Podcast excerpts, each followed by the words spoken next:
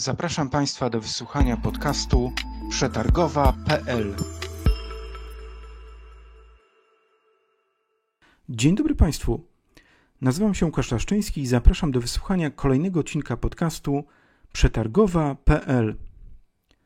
Dziś Państwa i moim gościem będzie Pan Andrzej Porawski, działacz samorządowy i wieloletni dyrektor Biura Związku Miast Polskich. Z Państwa i moim gościem porozmawia na temat aktualizacji dokumentu Krajowej Polityki Miejskiej i kierunków prac w ramach tejże aktualizacji. Porozmawiamy również na temat głównych problemów na drodze rozwoju polskich miast, jak depopulacja, suburbanizacja, czy w końcu ciągle niski poziom elektronizacji procesów związanych z zarządzaniem miastami w Polsce. Zapraszam wszystkich Państwa zainteresowanych rozwojem polskich samorządów miejskich do wysłuchania zapisu tej rozmowy. Panie dyrektorze. Dzień dobry, witam. Dziękuję za przyjęcie zaproszenia do nagrania dzisiejszej rozmowy, a chciałbym porozmawiać z Panem dzisiaj na temat dokumentu Krajowej Polityki Miejskiej, ściślej aktualizacji tego dokumentu, e, a myślę również szerzej, chciałbym, abyśmy porozmawiali na temat e, Krajowej Polityki Miejskiej, kierunków rozwoju, zagrożeń, które, e, które znajdują się na, na, na drodze funkcjonowania samorządów miejskich w Polsce. I chciałbym, abyśmy zaczęli tak może bardziej ogólnie od, od wyjaśnienia naszym słuchaczom, e, czym jest krajowa polityka miejska, czym jest dokument krajowej polityki miejskiej e, i dlaczego akurat mm, e, te zapisy, zapisy tego dokumentu są tak ważne dla rozwoju polskich miast. Krajowa polityka miejska to w, w, w polskich politykach publicznych jest stosunkowo nowe osiągnięcie ponieważ y, jeszcze na początku XXI wieku w ogóle jej nie było. Y, my musieliśmy stoczyć pewną batalię o mm, y, zapisanie w ustawie czegoś takiego jak polityka wobec miast. Polityka rolna, polityka wiejska, polityka, rozmaite inne polityki edukacyjne, zdrowotne i tak dalej były Natomiast polityki miejskiej Polska nie miała przez całe lata. Y, a tymczasem miasta to są skupiska problemów, to są oczywiście skupiska ludzi, no ale w związku z tym, że to są skupiska ludzi, to jednocześnie rośnie i potencjał, ale i narastają i nasilają się rozmaite problemy. Y, problem bezdomności nie jest specjalnie widoczny na obszarach wiejskich, natomiast e, ci bezdomni z natury rzeczy, bo jest im trochę łatwiej, lokują się w miastach. Problem transportu publicznego, na wsiach on rzadko w ogóle występuje, co zresztą powoduje pewne wykluczenie części mieszkańców. Natomiast w miastach on napotyka na cały szereg problemów które trzeba rozwiązać. I dlatego polityka miejska została po raz pierwszy w Polsce przyjęta w 2015 roku. I to był taki dokument, jak to wszystkie dokumenty, które pierwszy raz są, powstają, są redagowane, to był spis wszystkiego, co się składa na politykę miejską, ale bez wskazania wyraźnych priorytetów. A tymczasem e, potrzeba nam zdefiniować których miejscach miasta potrzebują wsparcia, w których, w których dziedzinach miasta same muszą być bardziej aktywne i kreować własną politykę, bo polityka miejska to w przypadku samego miasta to jest jego własna polityka w stosunku do siebie, do polityka własnych mieszkańców, rozwoju miasta, a w przypadku innych podmiotów to jest polityka wobec i My uważamy, że, że zarówno rząd powinien mieć pewną politykę w stosunku do obszarów zurbanizowanych, jak i samorząd wojewódzki powinien realizować politykę miejską, zwłaszcza będąc dysponentem tak dużych środków na rozwój, jak y, mowa o środkach unijnych, jak to jest w Polsce. I, I, polityka miejska to jest próba znalezienia odpowiedzi na potrzeby miast. No i teraz ta aktualizacja, nad którą pracujemy, ma dotyczyć już tylko pewnych obszarów, uznanych za priorytetowe. To nie znaczy, że pozostałe obszary nie są ważne, ale one idą własnym rytmem. Natomiast y, skoro mamy problemy z rozlewaniem się miast, skoro mamy problemy z transportem miejskim, skoro mamy problemy ze środowiskiem naturalnym w miastach, no to musimy to nazwać po imieniu, te problemy, i musimy tym problemom nadać większe znaczenie właśnie w polityce miejskiej, czyli w dokumencie, który wyznacza działania różnych podmiotów w stosunku do miast. Czyli jeśli dobrze rozumiem, działania, które podejmujecie między innymi Państwo jako Związek Miast Polskich dzisiaj, wynikają z, czy są efektem tej refleksji z okresu obowiązywania krajowej polityki miejskiej po 2015 roku? Tak, no najpierw poświęciliśmy około 10 lat na to, żeby w ogóle przeforsować w polskim prawie takie pojęcia jak e, e, polityka miejska czy rewitalizacja obszarów zurbanizowanych. No to się nam udało w pierwszej, w, w latach 2014-2015 te prace były sfinalizowane. Po latach naszych starań myśmy najpierw spowodowali, że Ministerstwo Rozwoju zamówiło w tej sprawie ekspertyzę zewnętrzną, którą wykonała Organizacja Współpracy Gospodarczej OECD. Potem zaczęliśmy prowadzić w oparciu o te rekomendacje własne jakieś prace analityczne. No i na tej podstawie udało się sformułować po raz pierwszy to, co dzisiaj szumnie nazywamy polityką miejską. Mhm. E, chciałbym zapytać, panie dyrektorze, jakie podmioty dzisiaj uczestniczą, czy też jakie środowiska uczestniczą w procesie aktualizacji krajowej polityki miejskiej? Inicjatorem y, jest rząd, bo ta krajowa polityka miejska to jest polityka centralna w stosunku do miast. Uczestniczą przedstawiciele ten pierwszy etap pracy nad aktualizacją prowadził Instytut Rozwoju Miast i Regionów z Krakowa, który jest resortowym instytutem Ministerstwa Funduszy i Polityki Regionalnej. I temu instytutowi zlecono poprowadzenie tej części przygotowawczej, tej części eksperckiej. I do, do tych prac zaproszono blisko 200 osób, i były to osoby reprezentujące różne środowiska. Byli tam eksperci w sensie naukowcy, badacze, byli tam samorządowcy, zarówno z poziomu miast, jak i z poziomu e, województw, czyli regionów, z poziomu polityki regionalnej. Byli wreszcie przedstawiciele społeczeństwa obywatelskiego, na przykład ruchów miejskich i innych organizacji, które są zainteresowane tym, co się dzieje w miastach w sensie aktywności społecznej. Byli tam również przedstawiciele Związku Miast Polskich. To byli oczywiście także reprezentanci poszczególnych miast, no ale do nas się również zwrócono o to, żebyśmy tam zaproponowali jak, jakieś osoby, które, które my uważamy za znawców problematyki przestrzennej, środowiskowej, społecznej, komunikacyjnej itd. Tak mhm.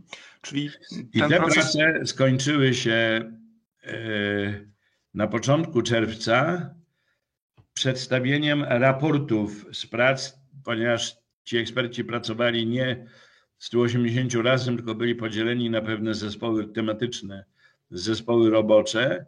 Mhm. Na początku czerwca w Katowicach odbył się trzeci już Kongres Polityki Miejskiej, na którym te poszczególne zespoły przedstawiły wyniki swoich prac. I te wyniki prac mają czysto ekspercki charakter. Tam już są wskazywane pewne priorytety, pewne zagadnienia, które wymagają szczególnej uwagi, ale tam nie zawsze są dokonane wybory.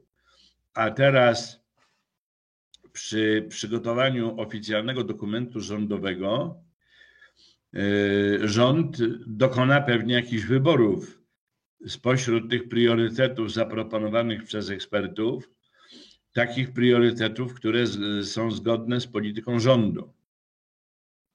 Jak wiadomo, obecny rząd prowadzi politykę nie do końca prosamorządową, to znaczy notabene tego nie krył, jak w 2015 roku byłem pewnie jednym z nielicznych e, osób, które przeczytały od deski do deski program wyborczy Prawa i Sprawiedliwości. I z tego programu już wynikało, że samorząd to nie jest filozofia e, tej partii. Ta partia silne państwo rozumie poprzez silne centrum. Jest to błąd i historia już nieraz uczyła zwolenników centralizacji, że to jest pomyłka, no ale widocznie chcemy ten błąd zrobić jeszcze raz. Więc jakie priorytety w polityce miejskiej zostaną wybrane, to trochę zależy od linii politycznej aktualnej. I wiadomo, że obecna koalicja wspiera miasta małe i średnie bardziej niż duże. Wspiera miasta położone na obszarach zagrożonych marginalizacją, a nie na obszarach, które dobrze się mają. W związku z tym już wiemy, że zostaną wybrane takie priorytety, które dotyczą wsparcia słabszych. Mhm. Rozumiem, czyli proces aktualizacji dokumentu Krajowej Polityki Miejskiej po pierwsze odbywa się w takim kontekście szerokiego dialogu, e, po drugie jest, tak jak pan dyrektor wskazał, e, pewną propozycją, pewnym pakietem zagadnień, obszarów, które, które, które specjaliści, które również Państwo widzicie jako takie elementy, które, które wymagają większej, większej uwagi. Jednym z tych obszarów, tak też ładnie nazwanych, który, e, który został zdefiniowany przez, przez tych specjalistów, którzy pracowali nad propozycjami aktualizacji, jest miasto, e, miasto inteligentne. No, nie ukrywam, że z taką sporą radością przyjmuję te rekomendacje e, tego kierunku aktualizacji krajowej polityki miejskiej, Eksperci, którzy, którzy, którzy wskazali ten obszar, e, widzą wyzwanie w postaci niskiego poziomu cyfryzacji polskich urzędów e, miast. I tutaj działaniem i rozwiązaniem tego problemu ma być poprawa poziomu cyfryzacji samorządów, uporządkowanie systemu prawnego i stworzenie pewnych standardów, ale przede wszystkim, co myślę najważniejsze, to także budowanie kompetencji i świadomości w, po stronie e, urzędników i, i mieszkańców. No, ja widzę, że ten obszar jest faktycznie od wielu lat taką swoistą piętą achillesową polskich, e, polskich samorządów. Jak pan osobiście na ten, ten obszar e, spogląda? Od lat podkreślamy w naszych różnych związkowych wystąpieniach, że spojrzenie na ten obszar nie jest do końca właściwe, bowiem do, zdominowały ten obszar firmy, które są dostawcami produktów, dostawcami komputerów, dostawcami, do, dostawcami oprogramowania, dostawcami pewnych technologii zarządzania na przykład ruchem miejskim, e, pieniędzmi w miastach, nieruchomościami w miastach i tak dalej. I oni mówią, miasto jest wtedy mądre, kiedy korzysta z naszego produktu. No nic bardziej mylnego. Miasto jest wtedy mądre, kiedy mądrze korzysta z różnych produktów przy wykorzystaniu kreatywności i potencjału ludzkiego przede wszystkim. Więc te technologie są o tyle ważne, o ile pomagają w mądrym zarządzaniu. Natomiast ja wiem, że to nie wybrzmiało w dokumentach, które zostały przedstawione, ale te dokumenty idą w tym kierunku. Tam jest taki, taka propozycja, która się nazywa Smart City 3.0. Teraz są modne te rozszerzenia z kropką i z zerem na końcu. Otóż to Smart City 3.0 właśnie stawia na mądrość rządzenia, a nie na mądrość korzystania z technologii. Czyli priorytetem jest nie jakość sprzętu i jakość oprogramowania, tylko jakość korzystania z tej technologii. Jak pan słusznie powiedział, ta jakość była przez wiele lat mizerna. Yy, no i co było oczywiste i wiązało się z takim właśnie produktowym podejściem tych, którzy nas usiłowali yy, przekonać do tego, żeby żeby być mądrym, czyli niestety, żeby kupować określony produkt. Mhm. No to my idziemy krok dalej i tutaj paradoksalnie wielki krok naprzód zrobiliśmy w czasie pandemii. Więc pandemia oprócz wszystkich negatywnych i tragicznych nawet y, miejscami rezultatów bardzo ułatwiła w tej chwili samorządom podejście do cyfryzacji. Okazało się bowiem, że miasta w tych programach, komputerach, którymi już dysponowały, wszystkie te narzędzia miały de facto, tylko nigdy z nich nie korzystały. Bo po to, żeby skorzystać z jakiegoś narzędzia, to trzeba się tego nauczyć. Narzędzia, nawet proste, wymagają umiejętności. A o te umiejętności nie dbano w personelu. W związku z tym teraz pandemia zmusiła jakby nas do tego, żeby korzystać z tych, y, z cyfryzacji. I, y, I to był ten pierwszy znaczący krok, bo przełamaliśmy pewne tabu, jeszcze nie wszędzie. Y, na przykład w szkołach nie przełamaliśmy, moim zdaniem, tego tabu. W, w sieci ilość materiałów dostępnych za darmo z literatury, z kultury, z biologii, z geografii jest, jest niewyobrażalna. To jest wielkie bogactwo.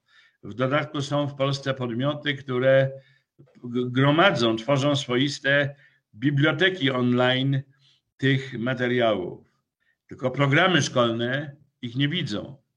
Mhm. Zamiast słuchać Wajdy na lekcjach polskiego, to jakiś nauczyciel, w zależności od tego, co sam o Wajdzie wie, lepiej lub gorzej coś o Wajdzie opowie.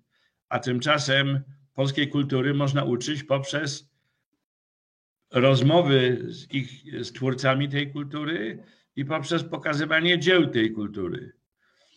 I te, te programy szkolne tego wciąż nie widzą. Ja podałem to jako przykład, ale takich przykładów jest wiele. Mhm. No tak, ale to, to pokazuje, myślę, rzecz taką bardzo, bardzo ważną. Zresztą też y, rozpoczęliśmy od tego naszą rozmowę, że problemów, które, e, które stoją na drodze procesu zarządzania miastami, jest, y, jest bardzo wiele. Ja chciałbym jeszcze przejść, panie dyrektorze, do y, kolejnego z tych obszarów, który został zdefiniowany, zauważony przez osoby pracujące nad aktualizacją krajowej polityki miejskiej E, on został również nazwany bardzo ładnie miasto, mm, e, miasto produktywne. E, I zaraz, zaraz po tym zostały również, zostały również nazwane mm, wyzwania, które są związane z tym, z tym obszarem, które dotyczą przyciągania i, i zatrzymywania potencjału ludzkiego. Oczywiście wiemy, że w tym obszarze miejskim od wielu lat mamy do czynienia z takim problemem jak depopulacja, jak odpływ młodych, wykształconych ludzi, co oczywiście tworzy, ja zawsze powtarzam, takie koło, e, koło zamknięte, ponieważ ten odpływ ludzi, szczególnie z średniej wielkości ośrodków miejskich, powoduje, że ta możliwość rozwoju miast się ogranicza. Y, ogranicza się oferta dla, dla biznesu, szczególnie w obszarze przyciągania e, kapitału zewnętrznego, ponieważ no, nie ma tego y, odpowiednio wykształconego potencjału miejskiego. E, w tym obszarze również kolejnym dużym problemem jest y, zjawisko suburbanizacji, które również wiąże się z taką pewnego rodzaju ucieczką e, z, z, z tej tkanki, tkanki miejskiej. I teraz moje pytanie, czy w ramach aktualizacji krajowej polityki miejskiej pojawiają się konkretne, realne koncepcje rozwiązań e, tych problemów dla rozwoju polskich miast? Oczywiście, że się pojawiają, tylko to są e, problemy, które wymagają długofalowej polityki i systematycznej realizacji tej długofalowej polityki. To się nie stanie z dnia na dzień uruchomienie lokalnych potencjałów, które gdzieś drzemią, które są w miastach ukryte, często nawet nie są jeszcze odnalezione, nie są jeszcze zdefiniowane, nie są zdiagnozowane, a cóż dopiero e, uruchomione. To, że to można zrobić, to polskie miasta pokazują, ale konkretne miasta i pokazują, że zrobiły to poprzez konkretne działanie i konkretną, systematycznie realizowaną politykę. Takim przykładem polityki uruchamiania własnych potencjałów jest powiatowe miasto na północno-wschodnim Mazowszu, Wyszków. Wyszków dostrzegł te problemy w strategii rozwoju, którą przyjął około roku 2005. Była to jedna z najbardziej w cudzysłowie prostych, można by nawet powiedzieć siermiężnych strategii, bo to był taki dokument wydrukowany z komputera, bez wielu tabel, zupełnie bez wykresów, ale tam były mądre konstatacje, i potem się okazało, że miasto je, mimo że to nie były łatwe decyzje, systematycznie realizowało.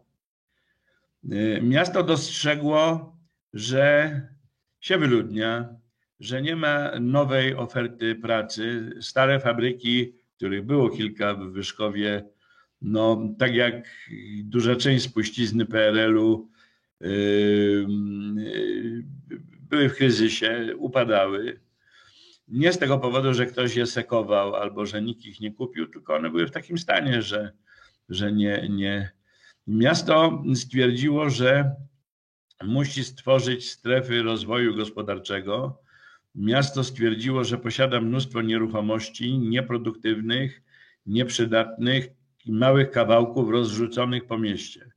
Miasto zaczęło sprzedawać te nieruchomości, a nie było na nie wielkiego popytu, więc to nie było źródło wielkich pieniędzy, a jednocześnie miasto zaczęło skupywać nieruchomości w trzech lokalizacjach, które były słabo zagospodarowane, ale wyposażone w tą podstawową infrastrukturę i, i które miasto celowo wybrało na przyszłe strefy aktywizacji gospodarczej. I i miasto wydawało przez kilka lat więcej pieniędzy na zakup gruntów niż na takie inwestycje typu chodniki, którymi się zawsze można komuś przypodobać, czy inne tego typu jednorazowe gadżety. Ja nie mówię, że chodnik jest niepotrzebny, oczywiście, no ale mm, chodnik y, powinien być standardem i natomiast to miasto dostrzegło wyzwania i po kilku latach miasto zaczęło udostępniać te y, y, skomasowane nieruchomości podmiotom gospodarczym. W ciągu paru lat powstało tysiąc miejsc pracy w Wyszkowie. To rozwiązało problemy bezrobocia nie tylko w mieście, ale i w okolicy. To znacznie zmniejszyło zapotrzebowanie na usługi socjalne. To przyniosło znaczne zwiększenie dochodów miasta bezpośrednich z PIT-u, z tego niewielkiego CIT-u i z podatku od nieruchomości, ale także pośrednie, yy, znaczy te, które wymieniłem, przepraszam, to były pośrednie, te podatkowe, a bezpośrednie ze sprzedaży bądź z wynajmu tych nieruchomości.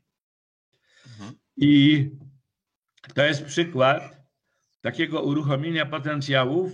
Miasto stwierdziło, że posiada nieruchomości niewykorzystane i podjęło się trudnej polityki nieruchomościowej, która nosi, niesie w sobie też szereg zagrożeń, ale w wyniku której udało im się po pierwsze stworzyć te atrakcyjne nieruchomości, a po drugie przyciągnąć do tych mhm. nieruchomości inwestorów. Dzięki temu miasto przestało też się wyludniać, bo ludzie znaleźli pracę w mieście. I to ciekawą pracę. Mhm. Takim miastem, które prowadzi tego, tego rodzaju politykę jest Wałbrzych. E, niezwykle odważny prezydent, który potrafi przekonać do swoich pomysłów Radę, który. Pro... Dodam, dodam również, że miasto również z dosyć trudną Trudne. historią. No, trudną oczywiście. historią, prawda? Jeśli chodzi o. Zlikwidowano o... przemysł, nie dając nic w zamian. Yy, zlikwidowano kopalnie konkretnie i koksownie. Yy, takim miastem i trzeba zwrócić uwagę, przyglądając się rozwiązaniom takim na przykład wałbrzyskim, tam podstawą procesu jest rewitalizacja, mieszkalnictwo i rozwój usług lokalnych. Ale to jest zintegrowany proces, połączony także z polityką podatkową miejską. I tam są tego efekty. Yy, miasto buduje mieszkania, miasto wspiera inne podmioty, które budują mieszkania w związku z tym ci młodzi ludzie, którzy decydują się, żeby w Wałbrzychu jednak zostać, mają też w miarę dostępne mieszkania na ich, na ich e, potrzeby rodzinne. Takim miastem modelowo realizującym politykę rozwoju w oparciu o, o, o politykę społeczną, edukacyjną i gospodarczą jest Stargard. To jest miasto położone kilkadziesiąt kilometrów od Szczecina, ale konsekwentnie realizowana przez wiele lat polityka yy, no, prowadzi do tego, że w Stargardzie jest wzrost gospodarczy, nie ma problemu bezrobocia, są dobre szkoły, a dobre szkoły przyciągają młodych ludzi, oni tam zostają. I tylko tego typu zintegrowane, mądre zarządzanie miastem może spowodować rzeczywiste uruchomienie tego potencjału gospodarczego, który jest niezbędny, a staje się teraz szczególnie niezbędny w sytuacji wejścia Polskiego Ładu. Bo Polski Ład niesie za sobą kolejne zubożenie tych dochodów podatkowych budżetów miejskich. Żeby temu przeciwdziałać, trzeba uruchomić potencjały, które będą oznaczały przyrost tych podatków mimo ich pierwotnego zmniejszenia. Mhm. Czyli po pierwsze, y, istnieją, wspomniał Pan y, o tym przed chwileczką, konkretne przykłady właśnie tego e, strategicznego spojrzenia na e, rozwój polityki, polityki miejskiej, co, co, co jest ważne i to po pierwsze, a po drugie to strategiczne spojrzenie przynosi konkretne, konkretne korzyści. No dobrze, chciałbym jeszcze zapytać, które z tych wyzwań, które z tych celów, które w trakcie prac nad aktualizacją e, zaczynają się klarować, e, stają się coraz bardziej konkretne, zaczynają coraz bardziej e, wybrzmiewać, uważa Pan osobiście za najtrudniejsze do realizacji, za najtrudniejsze do poprawy?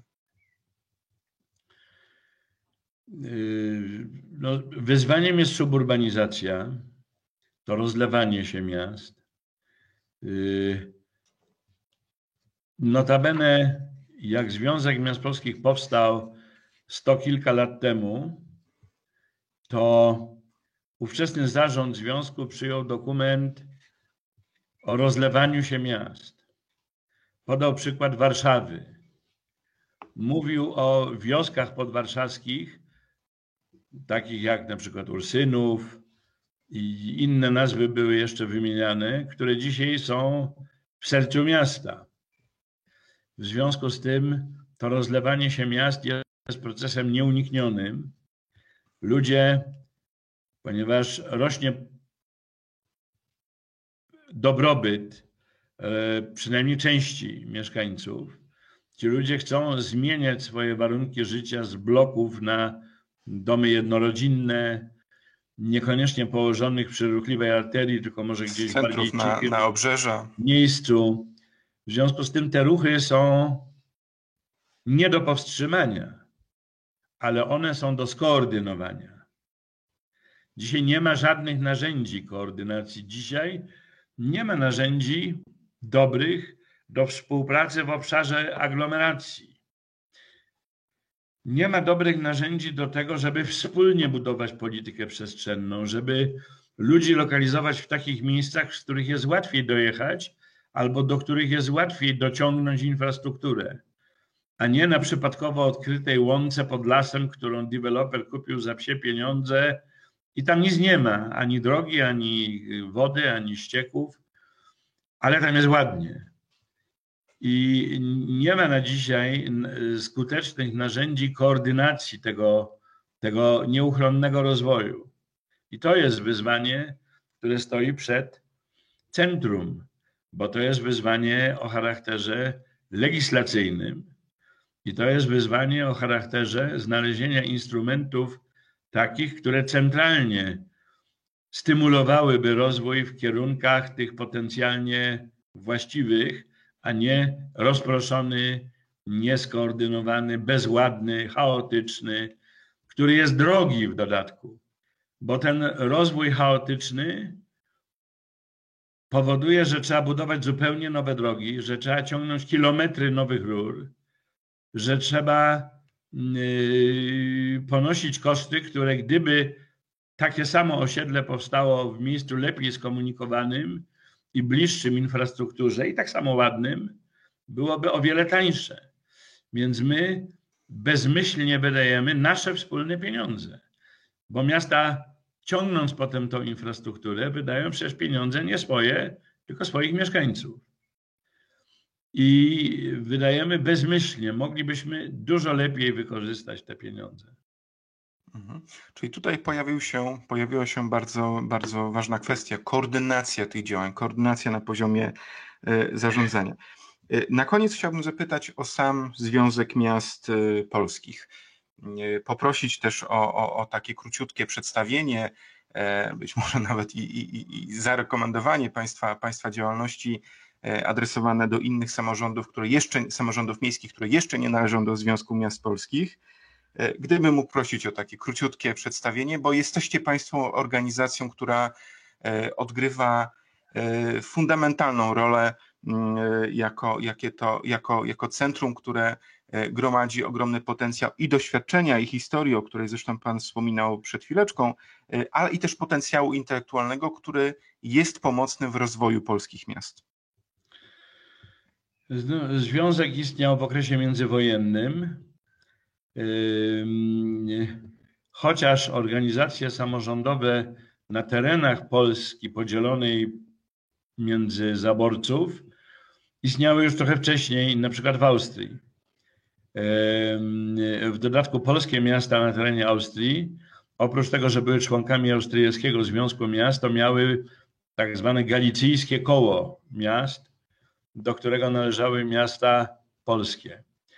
Jak Polska odzyskała niepodległość w 1918 roku, to związek już był właściwie gotowy, bo pierwsze zebranie w Warszawie związku odbyło się w 1917 roku z inicjatywy mm, przewodniczącego Rady y, Miasta Warszawy, bo takie samorządowe rady w Polsce istniały.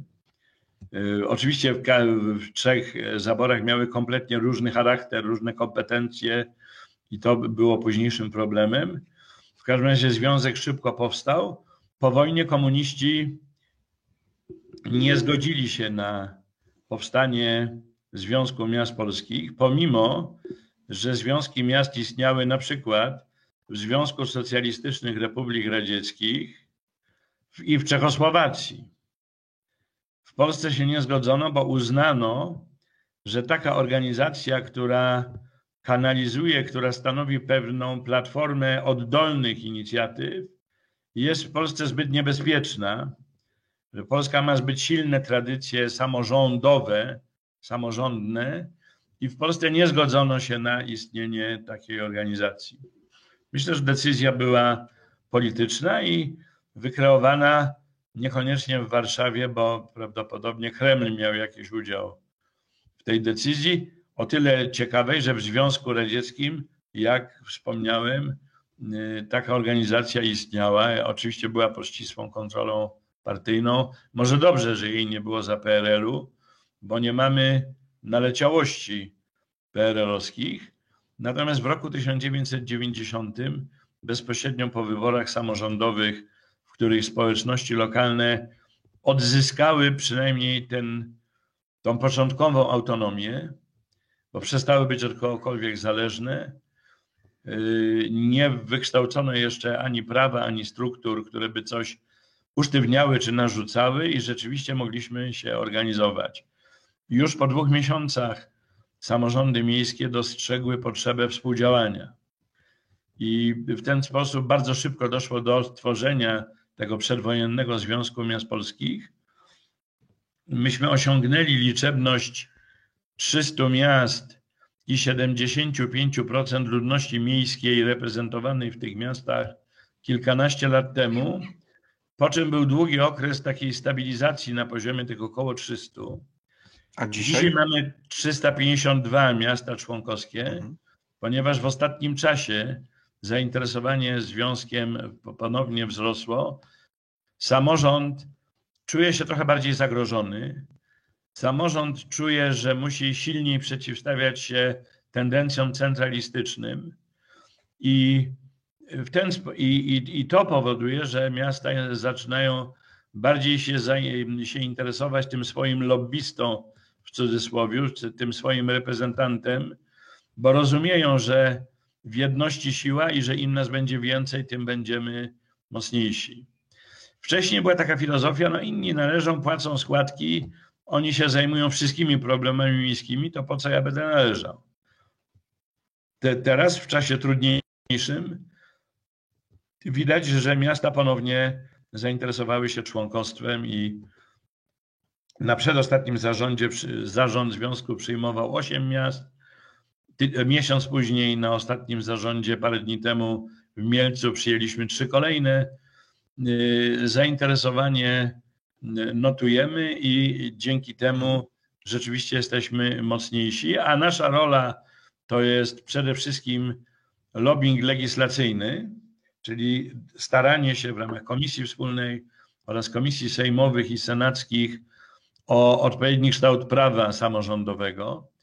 Nie jest to łatwe, zwłaszcza w okresie, kiedy większość sejmowa jest antysamorządowa, centralistyczna, ale to nas nie zwalnia z obowiązku starania się przynajmniej o dobre prawo. Ale oprócz tego, drugim takim polem bardzo ważnym jest wymiana doświadczeń w zarządzaniu miastami. I w tym jesteśmy coraz lepsi. I jeszcze w dodatku udało nam się ostatnio wytworzyć narzędzia do mądrego zarządzania miastami. Lepsze niż te narzędzia, które oferuje ktokolwiek inny w Polsce. W związku z tym miasta zaczynają się interesować tymi narzędziami, zaczynają je wykorzystywać przy budowaniu własnej, wewnętrznej polityki miejskiej, czyli polityki rozwoju danego miasta. Mm -hmm. Dodam te, te, jeszcze tylko te trzy miasta, o których Pan wspominał. To jest Sulejów, Opoczno i Nowy, Nowy Dwór Mazowiecki. E, panie tak. dyrektorze, bardzo dziękuję za, za tą rozmowę. E, życzę Związkowi Miast Polskich e, dalszego, dalszego rozwoju, dalszej skuteczności właśnie na polu reprezentowania interesów polskich miast. Dziękuję bardzo za rozmowę. E, a Państwa i moim gościem był Pan Andrzej Porawski, działacz samorządowy i dyrektor Biura Związku Miast Polskich. Od 31 lat. Dziękuję serdecznie za zainteresowanie. Do widzenia Państwu. Dziękuję bardzo. Do usłyszenia.